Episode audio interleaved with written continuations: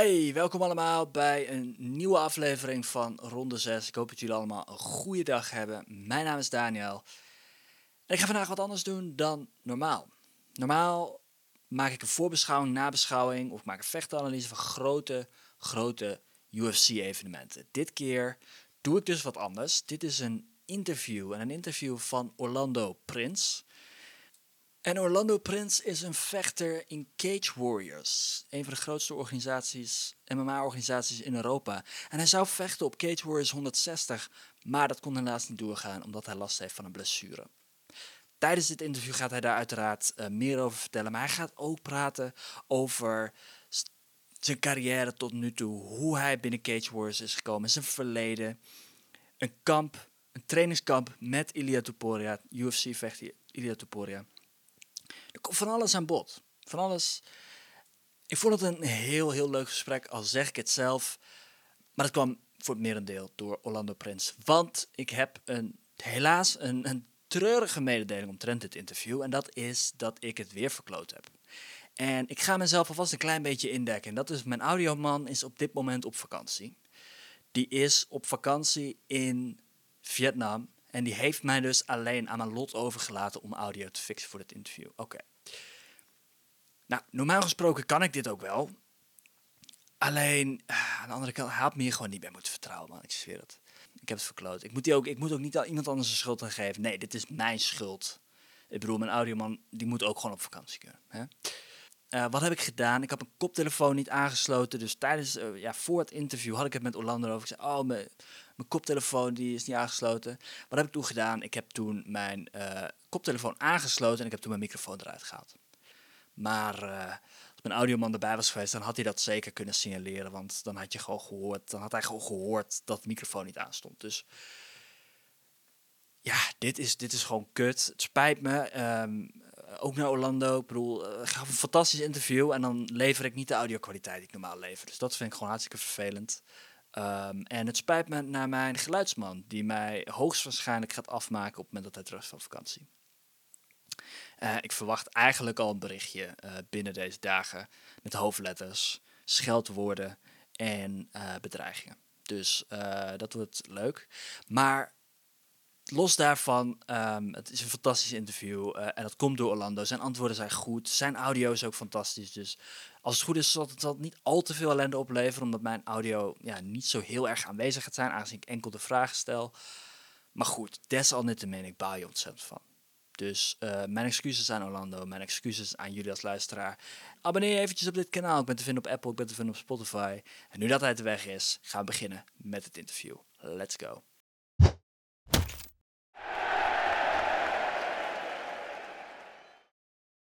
Oké, okay, Orlando Prins, welkom bij de Ronde 6 podcast. Allereerst, hoe gaat het mij? Um, ja, het kan beter natuurlijk. Ik heb mijn uh, aankomende partij moeten cancelen in verband met wat blessures die uh, eigenlijk al langere tijd speelden, maar ja, pas nu echt tot het punt zijn gekomen dat, uh, dat ik ja, echt een beslissing moest maken of ik deze wedstrijd wel of niet zou kunnen doen. En ja, we hebben besloten de wedstrijd toch niet te doen. Omdat de klachten toch uh, steeds erger werden. Ja, ja. Hey, je stond ingepland voor uh, Cage Warriors 160. Je stond gepland te vechten met Umakan Ibrahimov. Um, mm -hmm. Ja, helaas is geblesseerd. Kun je vertellen wat er is gebeurd? Um, ja, het is eigenlijk uh, wat wear and tear. Als ik, ja, als ik het zo kan noemen. Van de ellebogen. Um, ik heb aan beide ellebogen heb ik uh, kraakbeenschade en los, uh, ja, eigenlijk loszwevende um, stukjes bot. Wat zorgt voor, ja, eigenlijk voor een soort van zwelling in de elleboog. Mm, ja, mobiliteit, het bewegen, het strekken, dat is gewoon niet mogelijk op dit moment. En ja, het beperkt me gewoon heel erg in, uh, in, mijn, ja, in de training en voorbereiding die ik kan doen. Ik kan bijvoorbeeld niet striken op dit moment. En ja, het is gewoon heel lastig om voor te bereiden voor zo'n kaliberwedstrijd. Uh, met zoveel, uh, ja, eigenlijk zoveel, uh, zo'n grote handicap. Ja. ja, ik kan me ook voorstellen dat, ja, bij ellebogen denk ik gelijk natuurlijk aan de ellebogen de, van, van Muay Thai eigenlijk. En, en als je mm -hmm. dat ik kan me voorstellen dat het vrij pijnlijk is om nu dat soort zaken uh, op, de, op de scheen voor je tegenstander te proberen landen. Dus um, ja, misschien. Ja, dat, dat ook nog inderdaad. Oké. Hey, ik wil eerst eventjes in jouw verleden duiken, want uh, Cage Warriors, daar komen we zo bij. Maar eigenlijk als we het hebben um, over vechtsport, jij, um, jij bent in vechtsport beland eigenlijk, hè? En, en mm -hmm. hoe, wat was eigenlijk de eerste trigger geweest um, dat ervoor heeft gezorgd dat jij uiteindelijk in vechtsport bent beland? Het is niet jouw eerste moment dat je in de sportsport bent geweest, maar echt de eerste keer dat je dacht bij jezelf, misschien is vechtsport, uh, is dat wat voor mij. Eerlijk gezegd had ik dat al heel vroeg. Um, ik kom uit een familie waar mijn broers uh, taekwondo deden. En ja, dat vond ik best wel tof. En zij introduceerde mij aan K1. En destijds was de K1 nog, ja, werd, werd één keer per jaar uitgezonden rond kerst. En dat triggerde eigenlijk een beetje mijn, uh, mijn interesse voor de sport. Ik dacht van oké, kickboksen dat, uh, dat ziet er vet uit. Zo'n toernooi, ik vond het helemaal geweldig. Um, ik dacht van ja, oké, dit is eigenlijk wel iets wat ik wil doen. Um, maar er was niet al te veel kickboksen bij ons in de buurt. Dus ik volgde eerlijk gezegd eerst gewoon het pad van, uh, van uh, taekwondo, karate daarna. Toen een tijdje gestopt, omdat ik dacht van ja, weet je, dit uh, kickboksen is niet echt iets wat, wat een carrièrepad zou kunnen zijn. En ja, uh, bijvoorbeeld sporten zoals voetbal, die trigger je dan op dat moment wat meer. Aangezien al je vrienden doen dat, uh, worden op de pleintjes gespeeld. Dus ik was eigenlijk een klein beetje afgedwaald van, ja, van het kickboksen en het vecht. Een beetje de, de, de martial arts dream. En toen, rond, rond 18 jaar, zoiets, 17, 18 jaar, toen begon ik een keer wat van de UFC te zien. En toen zag ik een wedstrijd. Ik zag, ik zag een, een van de eerste pay-per-views uh, die ik zag was uh, Silva tegen Michael Bisping, ergens in Australië of zoiets. Uh, ja, dat way back. Van UFC 100, 100 of zoiets. En um, nou ja, ik dacht van oké, dat triggerde me wel. Ik zag, ik zag Rodrigo Noguera erop. Um, Minotauro Noguera is een BJ-guy was dat. Um, ik zag hem in de preview, zeg maar, voor de fight. Zie je altijd wat van die highlights en zo, zeg maar. Ik zag hem uh, eigenlijk mensen wurgen op de grond. Triangles zag ik. Uh, anaconda chokes, nakeds. Ik dacht, wow, wat is dit? Ik dacht van, damn, dit, dit gedeelte van vechten heb ik nog nooit in mijn leven gezien. En ik wist niet dat dat mogelijk was, zeg maar. Ik dacht dat het alleen maar striking was en that's it. Dus ik wist niet dat het mogelijk was. Dus ik ging me daar meer in verdiepen. Toen kwam ik achter dat het BJ was. En uh, meer en meer UFC gaan kijken. En eigenlijk toen weer uh, besloten om van oké, ik wil eigenlijk ook wel weer, uh, ik wil eigenlijk dit doen. Maar MMA was helemaal nergens. BJ was sowieso helemaal nergens. Dus was ik weer begonnen met kickboksen. Een paar partijen daarin gedaan. En ondertussen wel blijven doorzoeken naar wat, um, naar wat BE-scholen in de buurt. Niks gevonden eigenlijk. En uh, nou, door blijven gaan met kickboksen, door blijven trainen, wedstrijden blijven doen. Uh, af en toe trainen we eens een keer. Op de woensdagavond trainen we een keer met een paar van de, van de jongens van kickboksen. Uh, probeerden we de UFC na te doen. Dus gewoon wat grappling doen die we hadden gezien op, de, op fights van Fedor of of Noguera of een van die andere guys, zeg maar, die toen hot waren. En gewoon proberen armbars op elkaar te doen, triangles op elkaar te doen, maar nou, geen idee van hoe de mechanics eigenlijk werken. En, uh, ik heb eigenlijk daar een vraagje over, want een armbar, mm -hmm. het lijkt me op zich nog wel te simuleren op het moment dat je weinig ervaring hebt. Heb je dan niet zijn daar geen um, schouderpezen gescheurd in die, in die periode? dat zou je wel zeggen, inderdaad. Ja. Van, als ik terugkijk hoe ongecontroleerd we waren, is dat wel een wonder dat iedereen daar uh, ja, ongedeerd uit is gekomen. Uh, vooral met enkellocks gingen we, gingen we echt zwaar tekeer op elkaar. En ja, natuurlijk heel veel, heel veel ego in die ruimte. Van ah, ik wil niet tappen tegen jou, ik ga niet tappen tegen jou. Dus dat uh, ja, was niet de beste manier om uh, jiu-jitsu te leren. En uh, ja, maar het was wel een, een, een, een soort van experience. En ja, iets later dus kwam er wel een BEJ-school in Groningen uiteindelijk. En nou, daar ben ik bij aangesloten. Nou, begonnen met trainen drie keer in de week. eerst twee keer in de week. Daarna werd het al snel drie keer in de week. En toen ging kickboksen een beetje minder. En toen dacht ik van oké, misschien wil ik eigenlijk wel de overstap nu echt maken naar MMA. En mijn plan was om eerst uh, eh, BJ Blue Belt te halen. En dan vanaf daar uh, de overstap te maken naar MMA. Maar BJ bleek wel een ja, iets leukere passie te worden dan, uh, dan alleen dat. Ik heb een vraagje, want je zegt dus, je bent opgegroeid met broers die ook van vechtsport hielden. Zien we die broers van jou ook uh, in de, ergens in kooien belanden? Of, of wat, wat doen die inmiddels? Nee, die, uh, die trainen niet meer inmiddels. Die, ja, die werken gewoon fulltime en ja, zijn eigenlijk niet echt meer met martial arts bezig. Behalve, ja, mijn wedstrijden kijken dan. Ja, oké, okay, oké. Duidelijk. Hey, ik heb nog een vraagje, want um, ik heb dus in aanloop van het interview heb ik eventjes Topology bekeken, gezien hoe dat er allemaal uitziet bij jou. En het enige wat mij opvalt is dat um, jouw leeftijd ontbreekt daar. En ik weet niet of dat een strategische move is, en of jij denkt bij jezelf van, ik ga dat ook niet naar buiten brengen, wat voor reden ook. Of is dat gewoon iets wat ze nog niet geregistreerd hebben? En zo ja, mag ik dan weten wat uh, jouw leeftijd is? Uh, ja, ik denk dat het gewoon niet geregistreerd is. Ik ben 33. Ik ben onlangs 33 geworden. Oké, nice.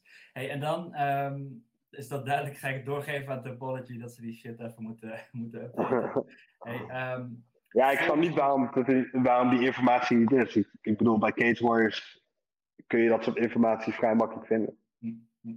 Shit. Ja, dus uh, eigenlijk zeg je daarmee dat ik mijn research gewoon beter over te doen. ja, maar bij de Silver Tape zou je dat eens goed moeten zien. ja, ja, ja, precies. Ja, ik uh, heb dat denk ik over het hoofd zien. Hey, um, Groningen, je zegt dat BJJ destijds niet um, heel pop, of ja, niet heel groot was. Er waren geen gyms daar te vinden. Tegenwoordig mm -hmm. heb jij je eigen MMA-gym, Root MMA. Heb ik dat goed? Mm -hmm. Ja, klopt. Um, jij geeft je, ik zie jou ook in uh, eh, BJJ-competities uh, uh, de sport beoefenen, om het zo maar te zeggen. Mm -hmm.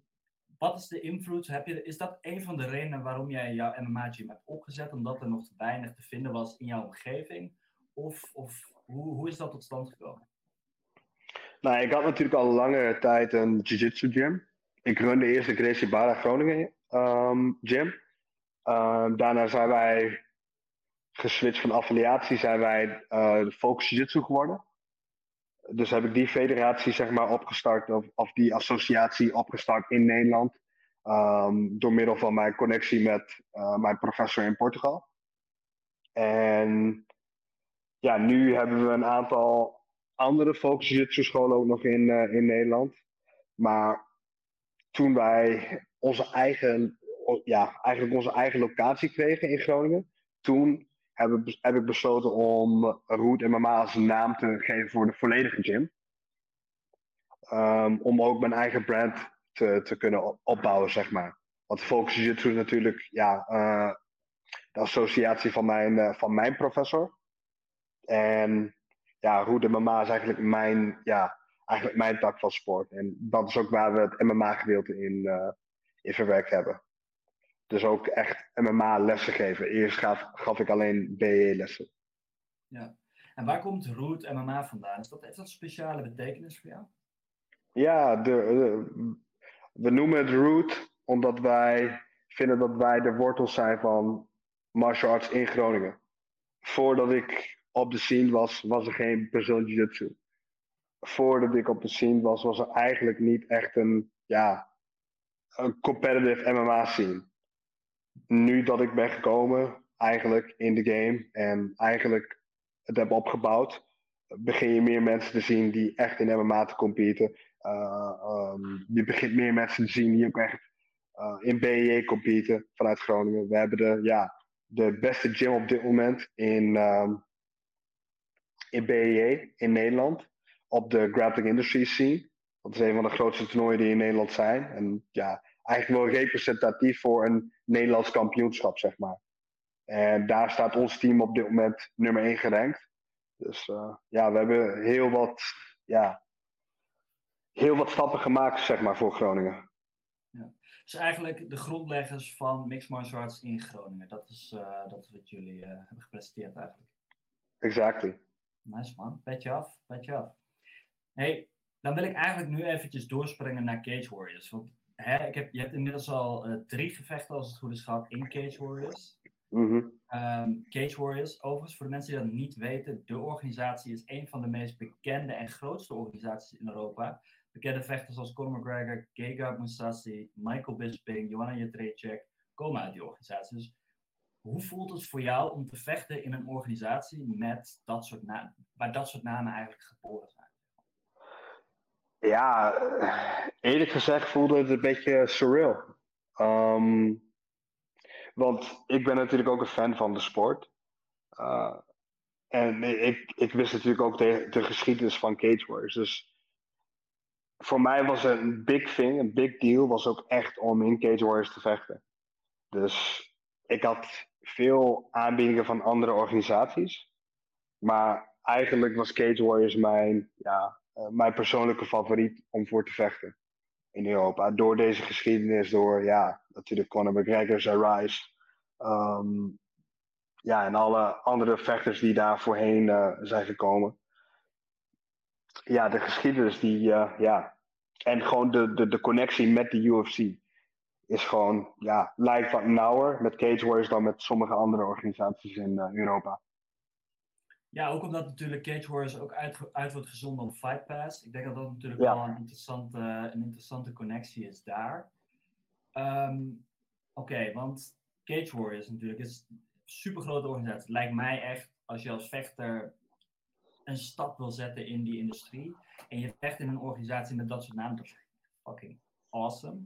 Um, dus ja, ja ik, ik, en ik merk ook dat jij, hè, dat, dat jij daar al een soort persoonlijke connectie mee gemaakt hebt door de, de vechters die je zag bij, bij, bij, het op, bij de opgroei uh, in uh, mixed martial arts. Dus ik kan me voorstellen dat dat heel erg veel voor jou betekent. Maar die eerste twee gevechten gingen dus niet jouw kant op. Hè? En ik heb nee. een van die gevechten kunnen kijken. Overigens, uh, fun fact: een van die gasten, de eerste gast die jij vocht in Cage Warriors, ik dacht eerst dat dat Tim Means was. Ik denk, wat? Heb je die gasten gevochten die tering veel uh, ervaring heeft. Ja, ja, die gast die fucking 50 gevechten op zijn. Ik dacht, wat is dit dan? Maar oké, okay, ik heb het verkeerd gelezen. Dus uh, weer een, een min voor mijn, uh, ja, mijn reporter skills hier. Maar oké, okay, die eerste twee gingen dus niet aan jouw kant op. Ik zag overigens wel, um, dat vond ik wel heel interessant te zien, is dat jij met een Muay Thai vechter volgt in het terrein waar jij, ja, naar mijn, naar mijn mening, het liefste wilde vechten, hè, waar je grondskills een beetje kon uiten. Helaas ging, die, uh, ging dat gevecht niet helemaal jouw kant op. Uh, maar toen kwam je dus terug in, um, moet ik eventjes correct zijn met de namen, in Cage Warriors 100, 152 versus Antonio Sheldon.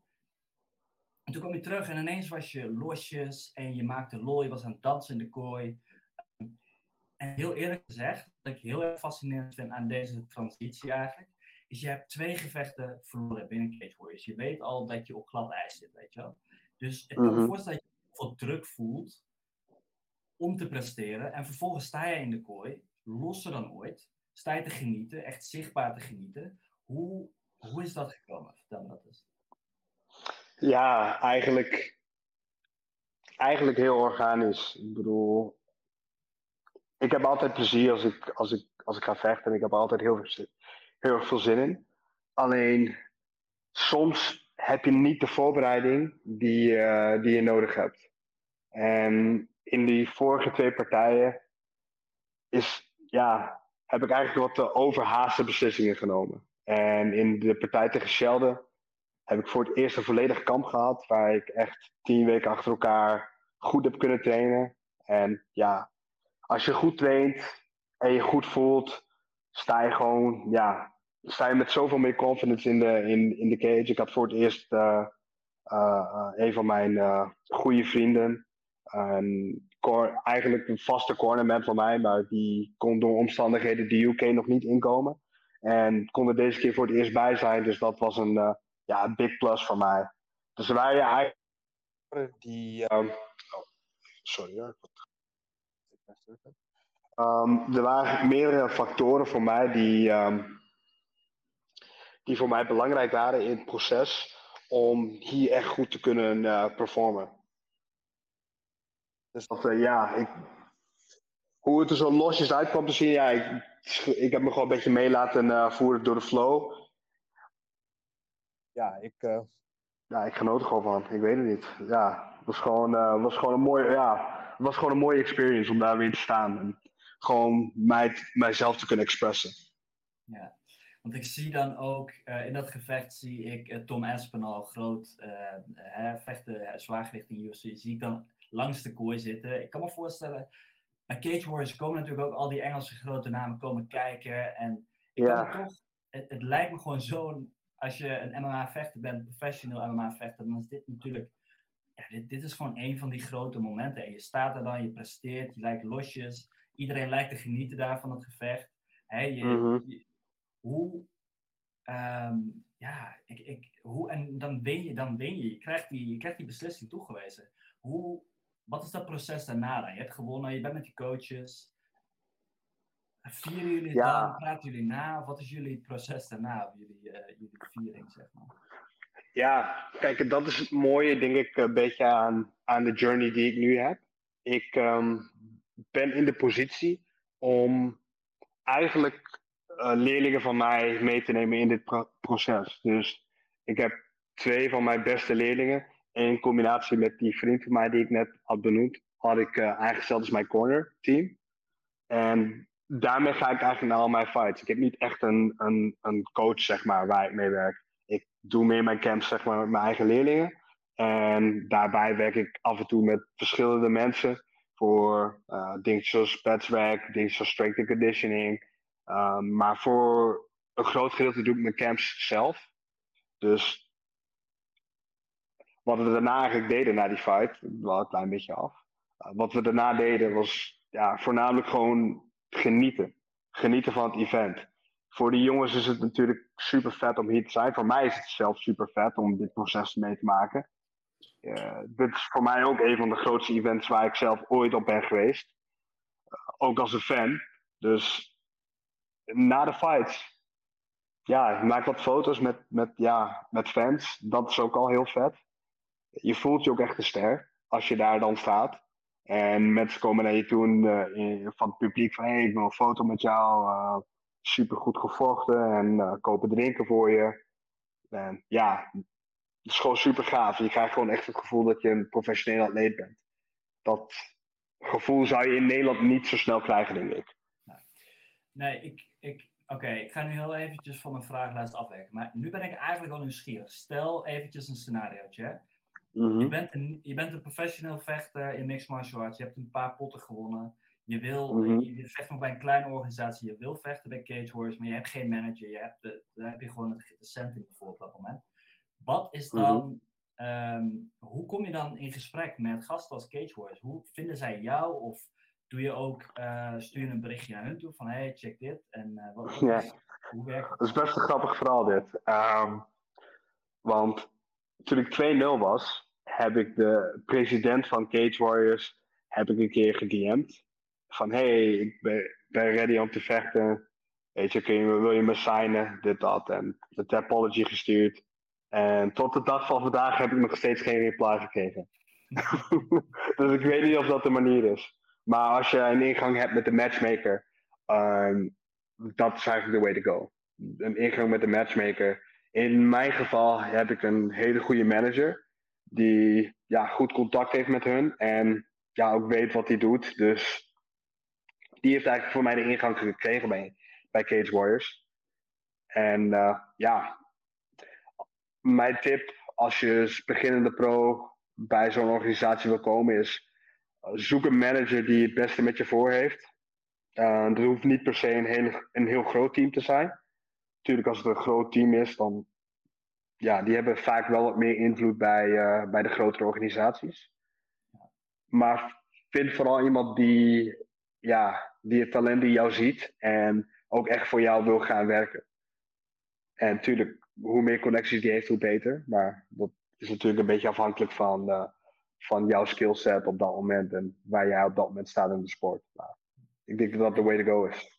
Ja, en wat zijn grote, uh, en, vergeef mij gebrek aan kennis in dit opzicht, maar wat zijn bijvoorbeeld grote uh, talentenorganisaties in Nederland waar vechters misschien uit, ja, naar uit zouden moeten kijken? Om, uh... mm, ik denk niet per se in Nederland. Um, in Nederland ken ik niet echt heel veel mensen die op die schaal ermee bezig zijn. Het zijn vaak, wat, als ik weet dat Haroon van Cage Warriors Academy mm, jongens managed. Um, maar ik weet niet of hij ook pro's managed. Um, ja, um, bij UFD Sport, maar dat is in Duitsland dan. Wel dichtbij. Maar ja, er zijn, er zijn wel wat mensen die met, met management bezig zijn in Nederland, maar ik, durf niet te zeggen of er echt bedrijven zijn, zeg maar. Echt grote, grote teams bezig zijn. Het is niet zoals de first round management of uh, uh, Paradigm of dat soort grote, grote management teams. Duidelijk. Ik denk dat hier de beginnende vechters hier misschien wel wat uithalen, denken van joh, oké, dan weet ik wel een beetje welke richtingen moet gaan. Want ja, ik kan me ook voorstellen dat je als vechter gewoon heel erg bezig bent met mechanica van vechten, heel erg bezig bent met de technieken en niet zozeer met de businesskant van uh, vechtsport. Dus dat is ook iets waar ik altijd een klein beetje op in wil zoomen met mensen die al een beetje gevestigd zijn in de vechtwereld. Omdat, ja man, als, ik het, als, je, als je het ook maar ietsje makkelijker kan maken voor sommige mensen, dan kan het af en toe al een beetje helpen om een beetje een beeld te krijgen van de industrie en hoe dat allemaal werkt. Dus Zeker, zeker. Nice informatie. Heb je nog iets anders wat je daarover kwijt wil over de industrie en over beginnende vechters? Tips? Ja, hou je inderdaad vooral bezig met het leren van, uh, van de fundamentals. En daarbij werk ook direct aan, inderdaad, wat, wat, je, wat we net al, waar we net al een beetje over aan het sparren waren. Um, de business side. Zorg ervoor dat je je Instagram op orde hebt zorg ervoor dat je vindbaar bent. Um, het vechten is namelijk bij heel veel van die grote promoties in het begin secundair. Als zij iemand hebben waar ze ja, wat promotie achter kunnen zetten, dan ga je, ja, dan ga je gewoon ga je het sneller. Ik zie het in Cage Warriors, zie ik het heel veel gebeuren. Jongens die een hele grote social media following hebben die ja, iets betere of iets gunstiger fights krijgen, iets gunstiger posities krijgen van de fights, um, iets meer exposure. En ja, dat, dat helpt. Dus jezelf helpen door ja, je profiel gewoon alvast op te klikken. En dat kun je al doen als je amateur bent. Maak video's, ja, uh, maak content. Um, ja, volg jezelf tijdens trainingen. Je denkt misschien dat nobody cares, maar ja, er zijn altijd wel guys tussen die het leuk vinden om te zien. En mensen die daar graag naar kijken. Ik zelf persoonlijk vind ik het altijd super vet om, om beelden te zien van andere pro's, hoe hun trainen. En ik probeer dat altijd graag te volgen om te kijken van oké, wat, wat kan ik hiervan, wat kan ik hiervan pikken, zeg maar. Wat kan ik hiervan, uh, ja, wat kan ik hier eigenlijk van stelen van, uh, van zijn kennis. Door middel van zo'n video te kijken. Ja, ja ja, ik kan me voorstellen dat het inderdaad, want ik zelf ben geen vechter of, of wat dan ook, maar ik ben wel iemand die uh, heel erg geïnteresseerd is in de businesskant, uh, in welk deel van het leven dan ook.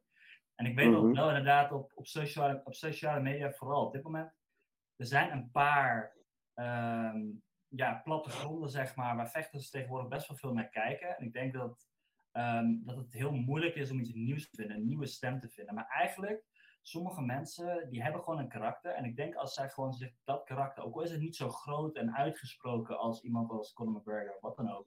Maar al is het gewoon iets kleiner en al is het uh, maar wel eigen, dan zouden ze daar toch dat, dat in beeld moeten brengen, weet je wel. En ik denk dat dat iets is wat, wat er nog te weinig zien is. We zien dat mensen te veel terugvallen op wat heeft gewerkt in het verleden.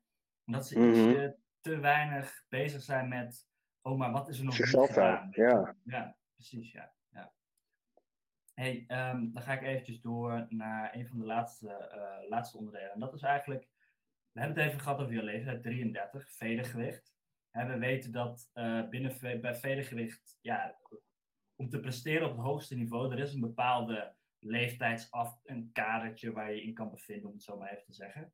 Um, Wat zijn nou precies jouw doelen binnen uh, Mixed Martial Arts? En, en wat is jouw uh, ja, soort roadmap daarheen, zeg maar? Hoe beeld je dat, uh, beeld je dat in? Ja, mijn roadmap was uiteraard vechten tot ik de UFC had bereikt. En ja, kijk, het, het doel blijft hetzelfde. Um, heb ik er vrede mee als het niet lukt? Ja, misschien wel. Um, maar blijf ik vechten om het te bereiken? Zeker. Ik ga gewoon proberen om het meeste eruit te halen. Ik, ik ben bewust van mijn leeftijd. Um, daarentegen voel ik me nog wel super fit. Af, ja, losstaand van de blessures die ik heb dan. Maar voel ik me fysiek fit. Um, mijn mind sharp. En mijn techniek, ja, het beste wat het ooit is geweest. Dus ik zie, nog niet, uh, ik zie het einde nog niet in zicht. Nee, ik weet dat, ja, om de UFC te bereiken, um, ja, moet wel alles goed gaan. En moet je wel een ritme kunnen draaien en veel partijen kunnen draaien. Achter, ja, op binnen korte tijd, zeg maar. Dus ja, we gaan het zien. Maar uh, dat is in ieder geval mijn doel nog steeds. Ik probeer ook zeker niet te hinten dat, hè, dat het einde in zich was. Meer in de zin van 33. Lijkt mij piek, uh, piekprestatie. Hè, het moment waar techniek mm -hmm. en uh, brein en uh, ja, het, licht, de, de, het lichaam eigenlijk een beetje elkaar tegenkomen. Hè. Um, dus ik zou zeggen dat dat rond de 32, 33 is. Um, dus dit is eigenlijk het moment. en nu heb je dan die, die, die verrekte blessure. Dat is gewoon hartstikke kloten. Hoe sta je, ben je nog steeds van plan met bijvoorbeeld met dezelfde tegenstander te vechten? Staat hij nog steeds ingepland eigenlijk voor het komende evenement? Of wat zijn de Uh, vervolgstappen nu je een blessure hebt eh, binnen Cage Wars? ja, kijk, het is. eh, eh, in principe zou ik wel tegen dezelfde tegenstander willen. Alleen. Wat Cage Warriors veel doet bij jongens uit het buitenland. ehm, vooral wanneer ze nog niet de status hebben, zeg maar, contender status hebben of championship status hebben. ehm, ze proberen ze voornamelijk te matchen tegen jongens die daar uit de buurt komen. Dus dit was ja, eigenlijk een soort van package deal. Als ik hier vecht, vecht ik tegen hem. Als ik in Italië vecht, vecht ik weer tegen iemand anders bijvoorbeeld. Dus het is niet dat ze de tegenstander mee, verhuizen naar de volgende event. Dus ja, ik, ik hoop oprecht voor, uh, voor de jongen dat ze een nieuwe tegenstander voor hem hebben gevonden. Dat hij in ieder geval nog wel zijn debuut kan maken. En uh, ja, wellicht zouden onze paden in de toekomst nog een keer kruisen. Maar ik, ik zie dat niet gebeuren, eerlijk gezegd. Nee, nee. Um, Oké, okay, wacht. Ik ben heel eventjes. Ik zie nu dat ik één dingetje heb overgeslagen. Daar wil ik het toch echt nog even over hebben. Want. Um, mm -hmm. um, Oké, okay. bij het vorige gevecht. Uh, bij het vorige gevecht was denk ik. Hè, we hebben het net over gehad. 152, Cage Warriors 152. Ja? ja. toen heb je daarvoor een interview gedaan. Toen had je het over dat je ook een deel van jouw trainingskamp in Spanje hebt gedaan. Hè? Bij het kamp van Ilia Topuria. Heb ik dat correct? Klopt, ja. Yes. Um, hier wil ik absoluut niet even overheen gaan, want dit is natuurlijk een belangrijk ding. Aangezien Ilia Topuria, UFC vedergewicht, mogelijk toekomstig uitdager van de titel, er wordt al over gesproken in de wandelgangen. Wat, mm -hmm. heb, wat heb je uit dat kamp gehaald? Je hebt, je hebt getraind in Spanje, hoog niveau. Um, overigens ben ik ook wel benieuwd waarom je Spanje gekozen hebt en of je dat specifiek gekozen hebt voor het talent dat daar zit, of de naam van de trainers, of de naam van de gym. Maar um, ja, hoe is dat allemaal ontstaan en bij elkaar gekomen? Eigenlijk, ja, heel random. Ik, ik zocht een gym om een kamp te doen. Ik dacht van ja, het moet nu toch echt anders. Ik heb twee keer achter elkaar eigenlijk geen kamp gedaan. En ik dacht van ja, het is nu do or die. Ik moet alles uit de, uit de kast halen om in ieder geval wel ja, hier uh, met één win uh, weg te komen. Dus ik zag dat kamp. Ik zag Clement Club. Het zag er niet uit als een megakamp.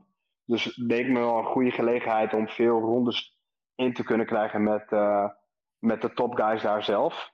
En ja, het was ik, ik kwam ook op het juiste moment, want het was net een, een, een soort van meeting voor First Round Management Europa. Dus dat is zeg maar de, de, de, de tak van First Round Management aan de Europese kant, waar Ilya zijn manager zit en uh, nog manager van vele andere vechters. Dus Matthäus Rebecki uit de UFC was daar ook. Um, nog twee dames uit de UFC die ik niet bij naam weet, helaas.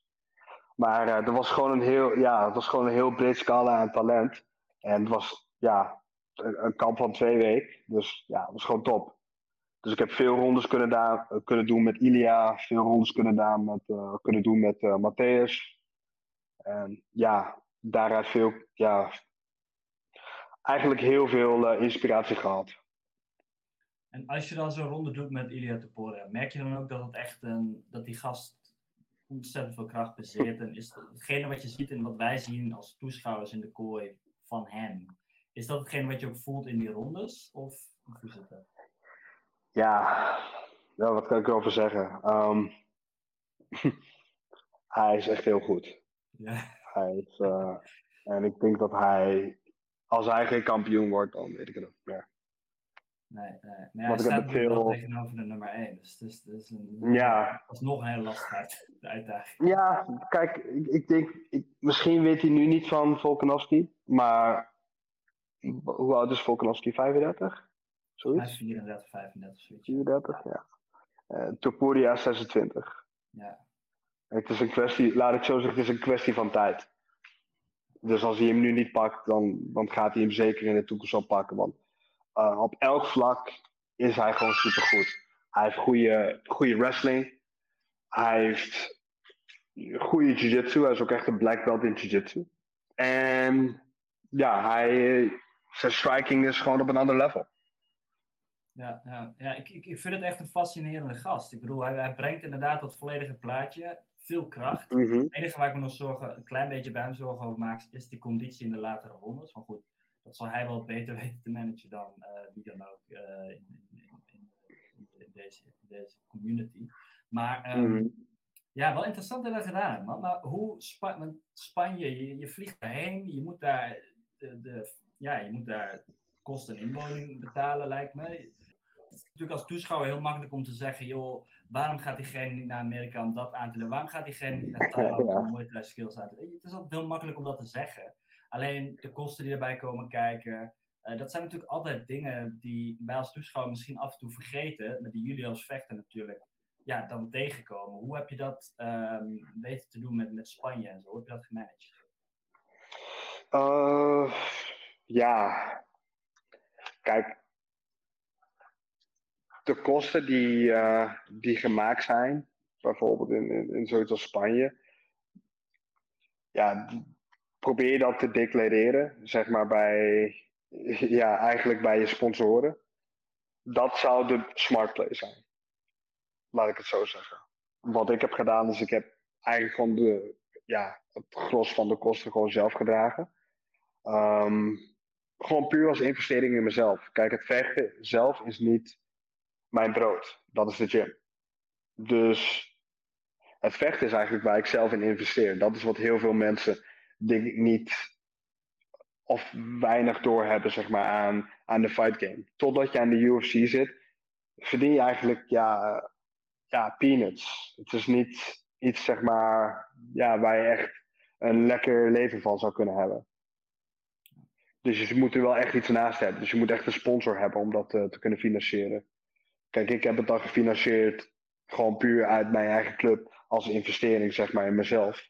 Maar ja, wat raadzaam zou zijn voor uh, ja, mensen die hetzelfde proberen te doen, of eigenlijk zeg maar uh, fulltime willen gaan trainen, is of zoek een gym op waar je bijvoorbeeld waar zie je bijvoorbeeld, uh, um, ja, hoe noem je dat? Um, beetje van die slaapkamers hebben, zo zeg maar. Uh, een soort van die dormrooms hebben. Ja, sommigen hebben die faciliteiten inderdaad. Ja. Uh, probeer dan bij zoiets. En dan, nou, als je getalenteerd bent, word je vast door de gym wel ja, soort van gesponsord. Misschien moet je wat les geven in plaats daarvan. Um, ja, en anders sponsoren. Dat, uh, dat, dat zouden mijn aanbevelingen zijn. Oké, dus social media, sponsoren en dan komt de rest vanzelf. Dan is het hard trainen. ja, oké, oké, oké. Ehm, laatste, hoe realistisch is het als Nederlands uh, eh, MMA-vechter door te breken en uh, groot te worden? Ik denk dat het heel realistisch is. Um, alleen wat belangrijk is, is dat je een goed team hebt om je heen. En ja, kijk, er zijn twee manieren om de UFC te bereiken. En één manier is um, om bijvoorbeeld, nou ja, lokale scene te vechten. Totdat je aan de UFC bent, uh, een fight hier doen tegen iemand die 0-3 is, een fight daar doen tegen iemand die 4-7 is, een fight ja, doen tegen iemand die 1-0 is. En, en zo je record op te bouwen. Met risico dat als je op de big show komt, dat je niet ready bent. Wat we al met verschillende ja, mensen hebben gezien. Um, of je kan het de hard way doen. En via een organisatie zoals Cage Warriors gaan. En door die gauntlet proberen te komen. En als je daar op top bent, dan heb je in ieder geval een grotere kans om ook echt gelijk succes te hebben in de UFC. Um, dat is het op basis van ja, het, het, de, de fight game zelf. Uh, op basis van wat je nodig moet hebben qua training en motivatie. Ja, je moet natuurlijk gewoon gemotiveerd zijn om dingen te doen die andere mensen niet willen doen. Um, in Nederland hebben we niet echt een gigantisch grote vechtsportcultuur wat betreft pro-vechten. Wel veel mensen die vechten, maar niet heel veel mensen die professioneel vechten. Dus ook echt daadwerkelijk twee keer per week of twee keer per dag trainen. Uh, ik was bijvoorbeeld bij de All-Star Gym uh, afgelopen kamp. En daar waren jongens bijvoorbeeld om, ja, om elke tien uur in de ochtend had je een pro-training. En elke ochtend waren daar 35 jongens. Zulke soort ruimtes heb je niet echt in Nederland. Dus je moet heel veel dingen uit jezelf kunnen doen. Je moet zelf motivated zijn om de trainingen te doen, de study te doen. Um, ja, uh, heb je bijvoorbeeld niet de resources, moet je reizen om die resources te krijgen. Dus je moet echt gemotiveerd zijn om, om de dingen te doen die uh, ja, niemand anders wil doen. Ja, mooi gesproken man. Mooi gesproken. Hey, um, ik ga het hierbij afsluiten. Dank in ieder geval voor al jouw tijd. Dank voor alle energie. Uh, de antwoord is super. Het kan zomaar zijn dat ik op het moment dat jij je volgende gevecht gepland staat, dat ik je nog even een, een berichtje stuur om, om even ja, nog een interview doen op het moment dat jij daadwerkelijk gaat vechten. En dat we dat gevecht een beetje kunnen ophypen. In ieder geval nu, ja, voor, dank voor de toelichting. Dat was echt super. Graag gedaan hoor. Graag gedaan.